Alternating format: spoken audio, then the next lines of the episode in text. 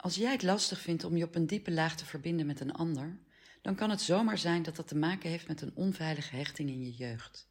Maar het kan ook zijn dat je onbewust bent verbonden met iemand in jouw familie die was buitengesloten. Een onbekend of ongewenst familielid bijvoorbeeld, of een abortus of miskraam.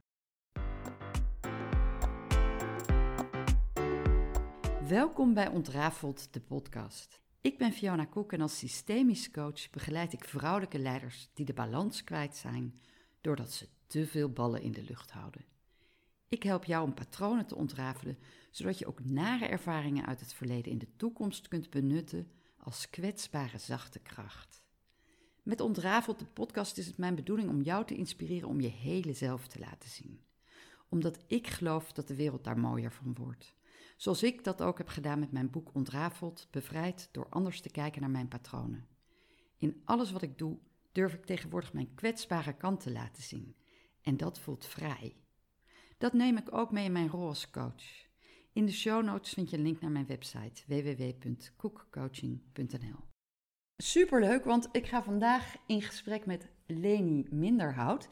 En Leni kwam hier voor haar laatste sessie omdat ze net een coachingstraject hier heeft afgerond.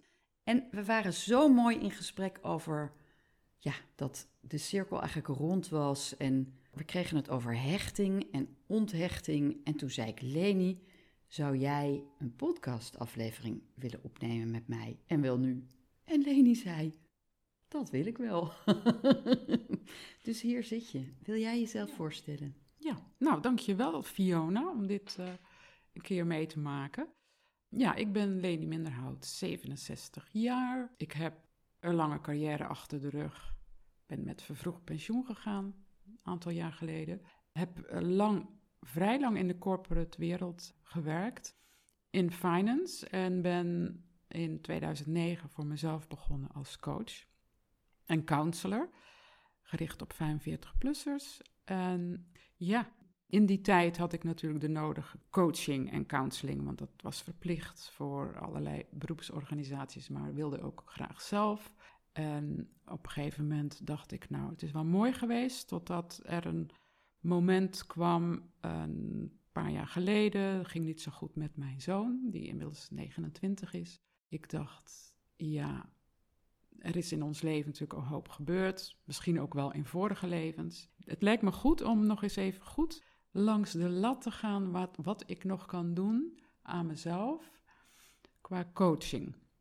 Ik had sterk het gevoel, er zijn nog wat open einden. En daarmee help ik mezelf. En ja, via een gemeenschappelijke vriendin, collega. Nou, die kunnen we wel noemen, want zij is echt ook bekend in de systemische wereld. Juist, Mineke ja. Minderhout. Mineke Minderhout. Ja. Ik ben altijd trots dat we dezelfde achternaam hebben. Onze vaders zijn broers. En die gaf mij de tip om met Fiona in contact te gaan. Dankjewel, Mineke, als je dit hoort. En eigenlijk even terug, want jij zei dus, als coach en counselor heb ik gewoon al heel veel laagjes afgepeld. En ik voelde, ik ben 67, ik heb nog echt een los eindje naar mijn zoon.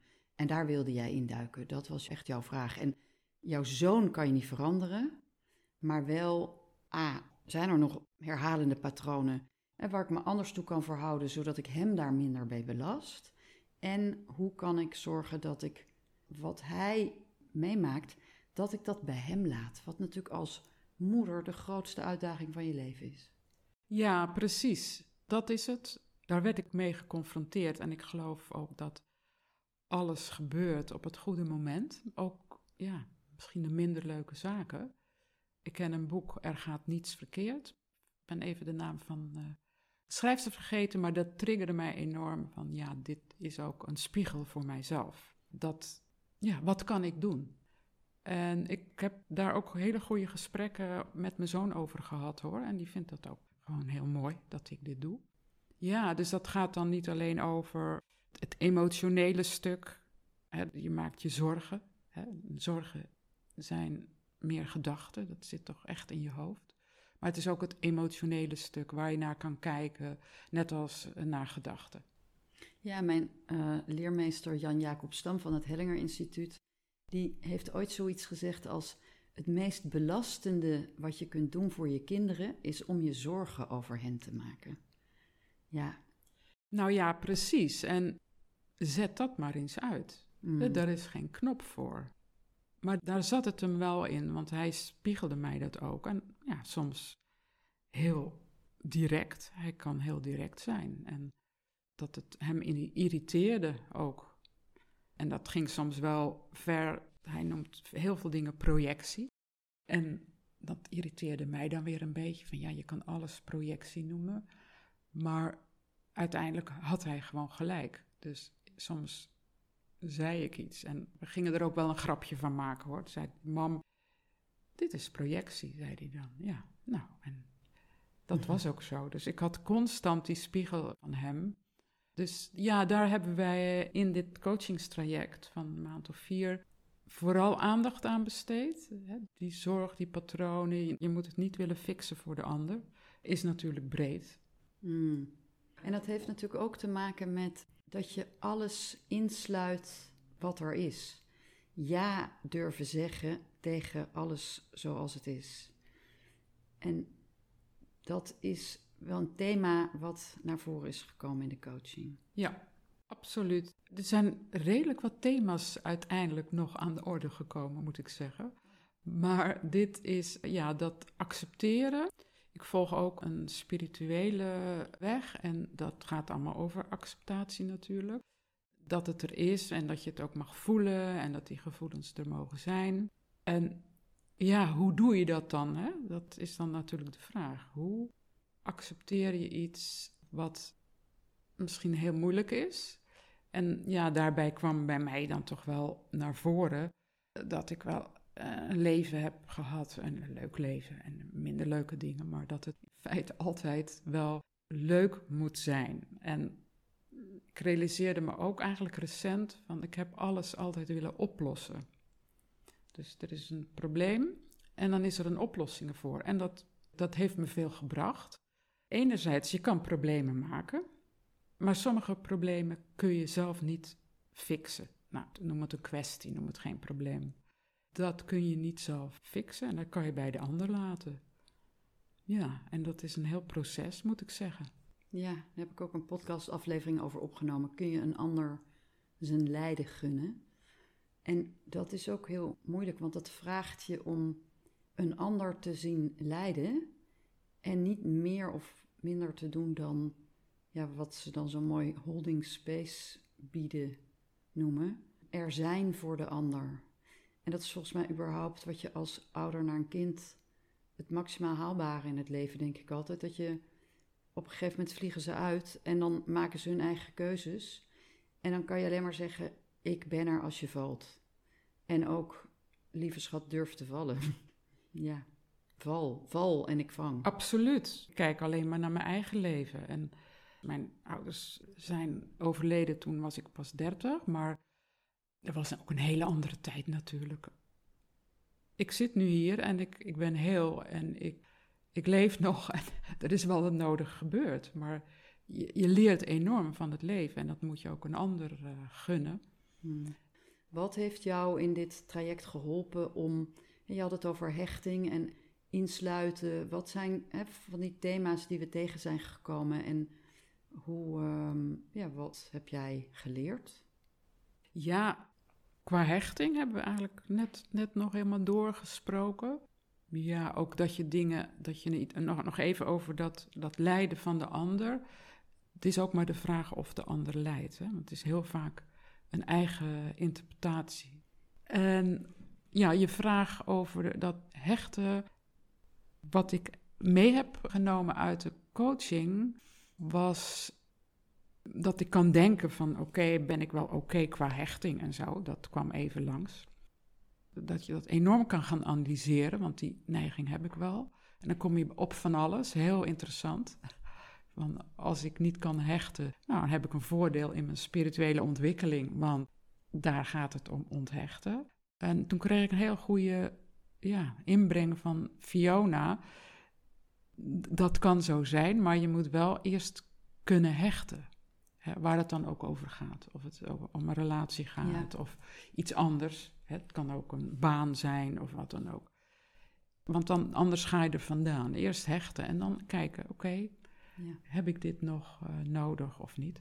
ja, dus als je als kind van je, vooral van je moeder, maar om moverende redenen niet een veilige hechting hebt meegekregen, of je moeder nu een postnatale depressie had, of dat ze, doordat jij in een couveuse lag, in het begin niet echt huidcontact en warmte aan je heeft kunnen bieden, of echt oogcontact, dat is echt super belangrijk voor kleine baby's. En misschien was ze wel ziek, waardoor ze niet bij je kon zijn.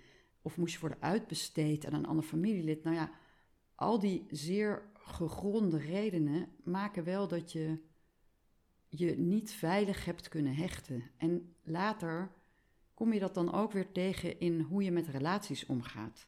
En we hadden het er net even over. Ja, ga je dan zeggen: Goh, ik heb heel veel relaties met partners gehad en met vrienden. Komt dat omdat ik niet dat gevoel van veilige hechting heb gehad? Of ben ik bij ze weggegaan omdat, ja, we uit elkaar groeiden, we merkten onze paden, we gaan nu een andere kant op. Dus zeker wil je dat niet overanalyseren, dat enerzijds. En tegelijkertijd is het ook belangrijk om je bewust te zijn dat als je aan die veilige hechting is ontbroken, dat ook effect heeft op hoe je later vriendschappen aangaat in je leven. En ja, van alle nare dingen die we meemaken, die geven ons later ook weer kracht als we dat weten om te zetten. En tegelijkertijd zei jij ook, ja, dat geeft dus als positieve kant. Ik kan nu me best goed onthechten. Ik ben in een andere fase van mijn leven, dus het gaat ook meer over onthechten. Dus ja, dat heb ik ook geleerd in mijn leven om dat te doen. En toen zei ik, nou, je kunt niet zeg maar stappen overslaan. Dus het kan niet zo zijn dat omdat je je in je jeugd niet veilig hebt leren hechten, je later in je leven goed kunt onthechten. Je hebt wel alsnog op latere leeftijd te leren om je energetisch in ieder geval wel te hechten, in ieder geval met jezelf. Om dat stuk aan te kijken, zodat je ook ziet, oh ja, ik heb, doordat ik niet helemaal in die relaties ben gegaan, heb ik ook dingen afgehouden. Daarmee ben ik ook heel veel verloren. Dus dat is nog achtergestelde rouwprocessen die je hebt doorgaan, zodat je daar ook echt afscheid van kunt nemen, zodat je daar ook betekenis aan kunt geven. En als je die cirkel niet doorloopt, dan kun je niet in een latere fase in je leven gaan onthechten. Dus je hebt er wel degelijk doorheen te gaan om dat ook rond te kunnen maken. Nou, dit zijn echt hele wijze woorden, Fiona. Heb je mooi samengevat. Ja, dit is absoluut uh, waar. En wat je nu net zei, en dat ik denk dat het daarom gaat, is die hechting met jezelf. Mm. En dat is het grote ding wat ik toch wel in het verleden uit de weg ben gegaan, onbewust. Ik zocht het gewoon extern, laten we het zo maar noemen. Ja, dus dan zoek je de aandacht die je niet hebt ontvangen of, en de liefde van huis uit. Of ja, nou ja, in mensen, hè, door om allerlei moverende redenen. Of hechting, ga je van een ander uh, vragen. Dus je wilt je eigenlijk voeden met iets wat niet in jou zit. Ga je extern zoeken. Maar je gaat ook extern wijzen naar anderen. En kijken naar hun tekortkomingen. Terwijl eigenlijk, zei jij in ons gesprek, en ook net, je hebt het altijd te zoeken in jezelf. Ja, ja, nee, dat is absoluut waar. En dat is wel waar ik al best wel lang mee bezig was. Dat was een hele zoektocht. Totdat de kwartje viel van hé, hey, als ik nou eens mijn relaties op een rijtje zet, wat, wat maakte dan dat ik die relatie aanging met die persoon? Want het waren ook vaak heel verschillende personen qua persoonlijkheid. Was het bijna altijd hetgeen ik in mezelf miste. Mm. En ja, wat er gebeurt dan als een relatie beëindigd is, dan blijft er gewoon een gat achter. Dat vond ik dan zo frappant. Ik beëindigde wel zelf een relatie, bleef een enorm gat achter. En nou, daar heb ik dan een keer met de relatietherapeut uh, naar gekeken van, ja, dit is heel duidelijk iets wat je zelf hebt. Want wat je in die ander zocht, die spiegelde jou heel specifiek. Hmm, dat je het zelf had. Anders was ik niet op die persoon gevallen.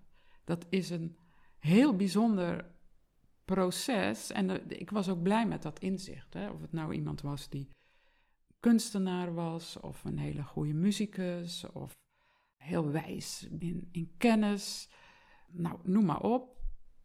Een heel rijtje. En ik realiseerde me dat ik het allemaal in mezelf had. En ik ben dat ook gaan ontwikkelen. Ach, dat is toch. Weet je, dat is dan een cadeau dat je dit zo benoemt. En ja, dat is precies waar het natuurlijk over gaat. Dat we realiseren dat die ander de spiegel vormt van ontluikende kwaliteiten in jezelf. Ja, dat is ook als je je opeens heel erg aangetrokken voelt tot een persoon. Hè? Zelfs als je in een relatie bent en je wil helemaal niet vreemd gaan, maar je merkt dat je eigenlijk verliefd wordt op een ander. Daar heb ik ook over geschreven in mijn boek Ontrafeld, dat ik dat zelf meemaakte. En toen heb ik dat ook benoemd naar Edwin. Ik zeg, goh, ik voel me nu heel erg aangetrokken tot die andere persoon. En toen zei hij ook, goh, wat trekt jou aan? En ja, dat ging allemaal over kanten van mezelf, waar ik zo net mee kennis begon te maken. En wat ik juist veel meer wilde uitvergroten. En die kerel die had dat. Nou ja, toen ik dat eenmaal had uitgesproken, was die verliefdheid natuurlijk over. En werd ik alleen maar verliefd, nog meer verliefd op Edwin, die zo mooi daarop reageerde. Maar dat is wat er gebeurt. Ja, ja het, is, het is super interessant. ja.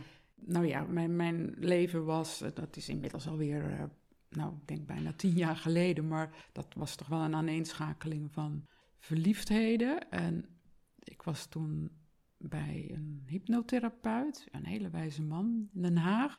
En toen zat ik weer in zo'n verliefdheid, wat helemaal niet realistisch was. En toen zei, ja, toen zei ik, wat is dat nou? Ik noemde allemaal dingen op die me helemaal niet beviel in die man.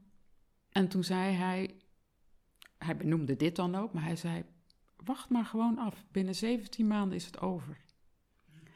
Over wat het allemaal voorbij gaat. En ik was helemaal verbaasd. Heel specifiek, 17 maanden, oké. Maar het klopte wel. Oh, grappig. het is dan niet exact 17 maanden, maar het is maar tijdelijk. Mm. En nou, dat was wel een opluchting. Nou, oké, dus jullie weten het 17 maanden bij deze. Waarvan acte? ik wil eigenlijk met jou naar een ander thema, want dat kwam ook voorbij. En ik vind het belangrijk om te benoemen, want ja, je bent hier en je bent bereid om dit gesprek te voeren. En het kwam zo voorbij dat er in jouw familie en in jou ook echt wel mensen zijn buitengesloten. En dat dat insluiten, het aankijken en insluiten van al die mensen jou zoveel heeft opgeleverd. Dus ik wil niet voor je invullen, maar wat zou je daarover willen vertellen waar een luisteraar wat aan kan hebben? Ja, ehm, nou absoluut is dat, dat kwam ineens spontaan op. En ik ben natuurlijk niet voor niks bij Fiona vanwege haar expertise met uh, opstellingen. Dus dat, dat kwam boven inderdaad. En dat thema is, is eigenlijk enerzijds wat je zei, dat mensen uitgesloten zijn.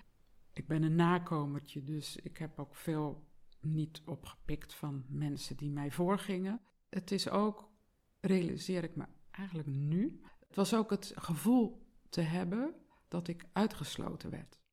Is allemaal eigen interpretatie natuurlijk. Hè? Ik voelde me anders, voelde me niet gezien. En nou ja, dat is ook interpretatie, want ik weet gewoon dat mijn vader hartstikke trots was op mijn schoolcijfers en met rapporten langs de deur ging, bij wijze van spreken. Dus het is tweeërzijds, maar ik vond het wel een thema om aan te gaan, specifiek over ja, ja, een deel van de familie. En dat was een hele intense opstelling, vond ik zelf ook, hè, waar Fiona ook deel van uitmaakte. En het is ja, ik kan alleen maar zeggen dat het werkt. Want nou, dat ging wel over specifieke personen. En ik ben na die opstelling, ik heb het natuurlijk eerst even laten bezinken, had ik wel het gevoel, ik wil die personen opzoeken. Dat heb ik altijd afgehouden. Ik had ook, ik kom uit Zeeland oorspronkelijk en ik heb eigenlijk heel lang, tot voor kort, een bepaalde weerstand gehad voor Zeeland. En ik kwam er natuurlijk wel, maar er was ook wel een, een, stuk beklemming. Dus heel lang was ik er nooit, wel vakantie natuurlijk. En dat is gewoon verdwenen. Die weerstand is verdwenen. Ik heb contact gehad met familielid. En ja, we zei ook het systeem. Fiona heeft het heel mooi uitgelegd. Dat een systeem ook weer moet sluiten. Want anders blijft er een opening. En dan ga ik dat bijvoorbeeld doorgeven aan mijn zoon, die daar nog iets moet fixen of zo. Dus het, het systeem is gesloten en ook mijn weerstand naar Zeeland is ook verdwenen.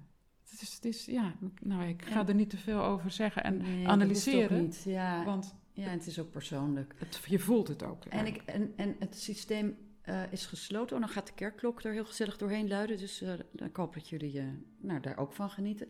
Maar dat het systeem gesloten is, ik gebruik eigenlijk de woorden: het is, het is heel. Dus systemen willen niet dat er.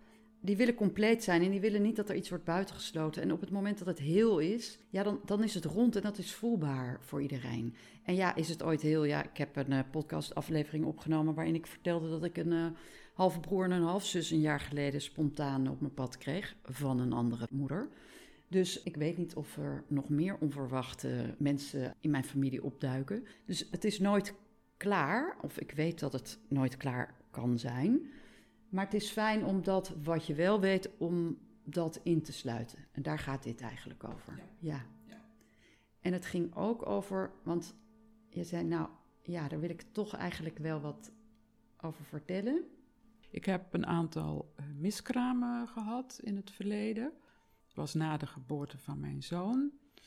En ja, ik ben daar best op een bijna, hoe noem je dat? Is een woord voor.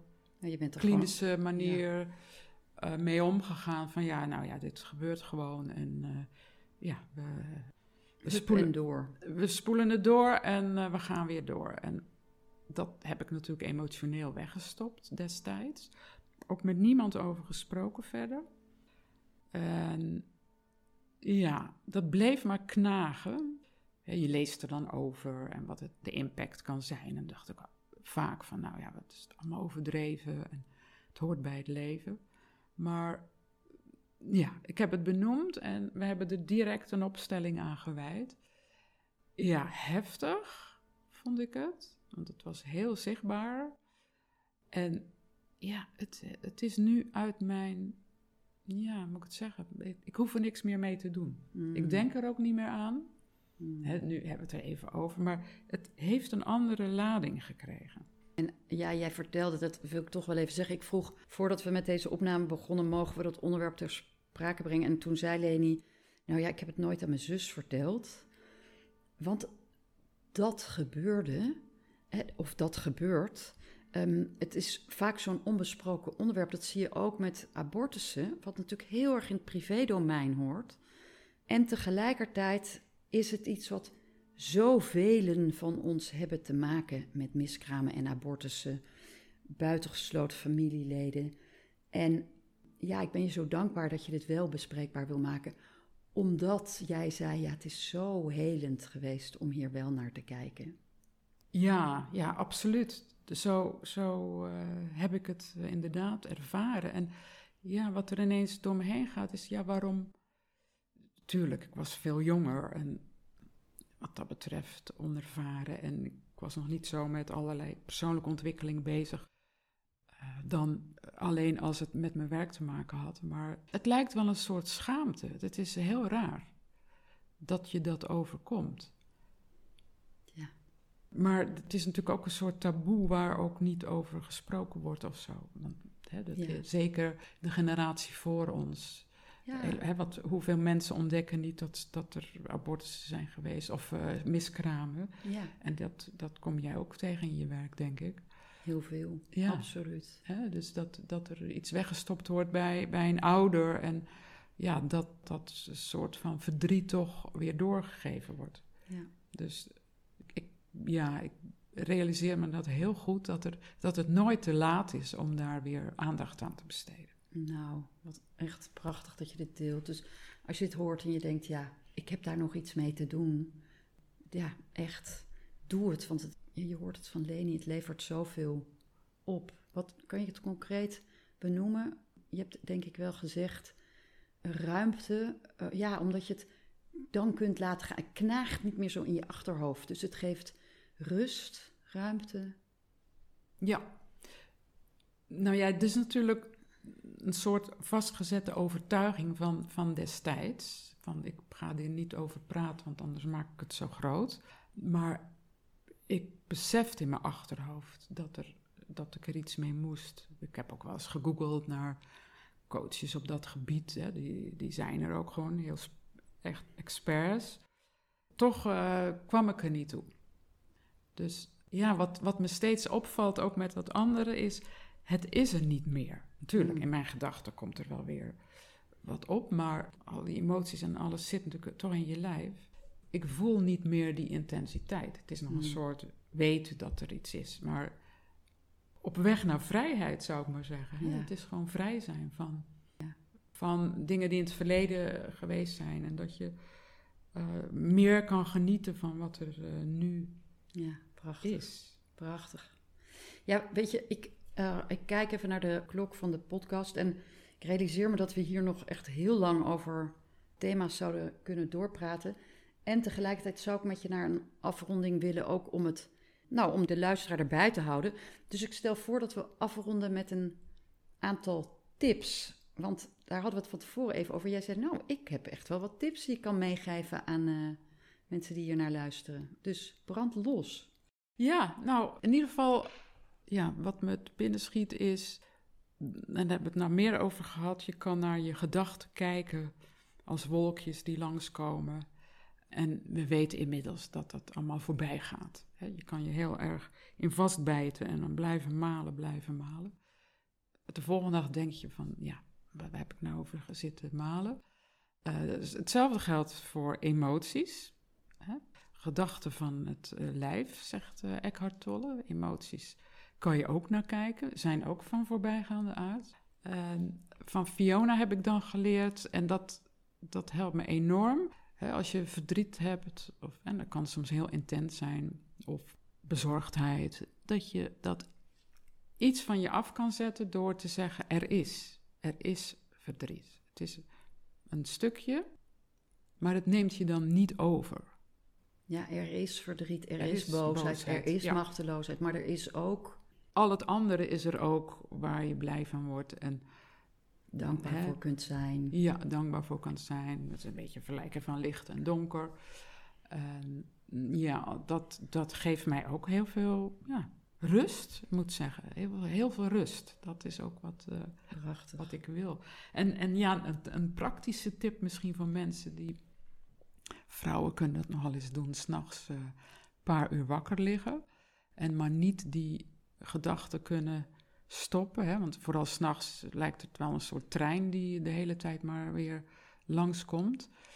Uh, ik heb ook door ademhalingsoefeningen, maar ik, ik heb nu oefening die heel goed werkt. En die wil ik graag meegeven, is als ik eraan denk hoor, want soms lig ik al een uur of anderhalf uur wakker, maar dat ik heel diep ademhaal en ja, het is niet met blazen en wat, gewoon een normale ademhaling, maar langzaam en diep. En die vertraag ik steeds. En ik zeg een soort mantra tegen mezelf: empty, empty. Je kan ook zeggen ruimte, ruimte. Wat voor woord ook, maar dan concentreer je daarop en ben je niet in je gedachten. En ja, die ademhaling. Ik heb me laten vertellen dat je lichaam die denkt dan: oké, je wil in slaap vallen. Blijkbaar, want je ademhaling wordt steeds langzamer. En het werkt. Het werkt echt. Dus dan word ik na zes uur slaap of zo, en heb ik al een keer drie uur geslapen, word ik wakker en denk ik: ja, yes, het is, het is weer gelukt. Ja, superleuk. Dus nou, die kunnen we allemaal direct in de praktijk brengen bij de eerste keer dat we eraan denken, wanneer we al even wakker liggen. Dankjewel. Heel veel dank, lieve Leni. Ja, nog even checkvraag, want dat vergeet ik wel eens. Is er nog iets wat ik niet ter sprake heb gebracht waarvan je denkt, nou, dat hadden we wel, ja, had ik toch wel graag willen benoemen? Uh, ja, nou zeker wat betreft het coachingstraject. is het voor mij ja, super. Een soort, wil niet zeggen sluitstuk, maar ik kan hier eh, lang verder mee, denk ik. En, en ja, wat ik heel fijn vond aan jou is dat je zo heel goed kan inspelen op wat je hoort zonder een hele methodiek en stappen in je achterhoofd te hebben. Maar ja, heel goed kan luisteren en ook echt contact maken. Dat, vind ik, dat vond ik heel erg fijn. Hmm. En dat ging in feite heel organisch uh, verder. Maar ja, nou, dank je wel voor uh, je wijsheid. Ach, dit is toch een prachtig compliment. En dat je dat hier dan zo in een podcast hebt willen delen. Dank voor jouw bereidheid om hier zo spontaan in te stappen.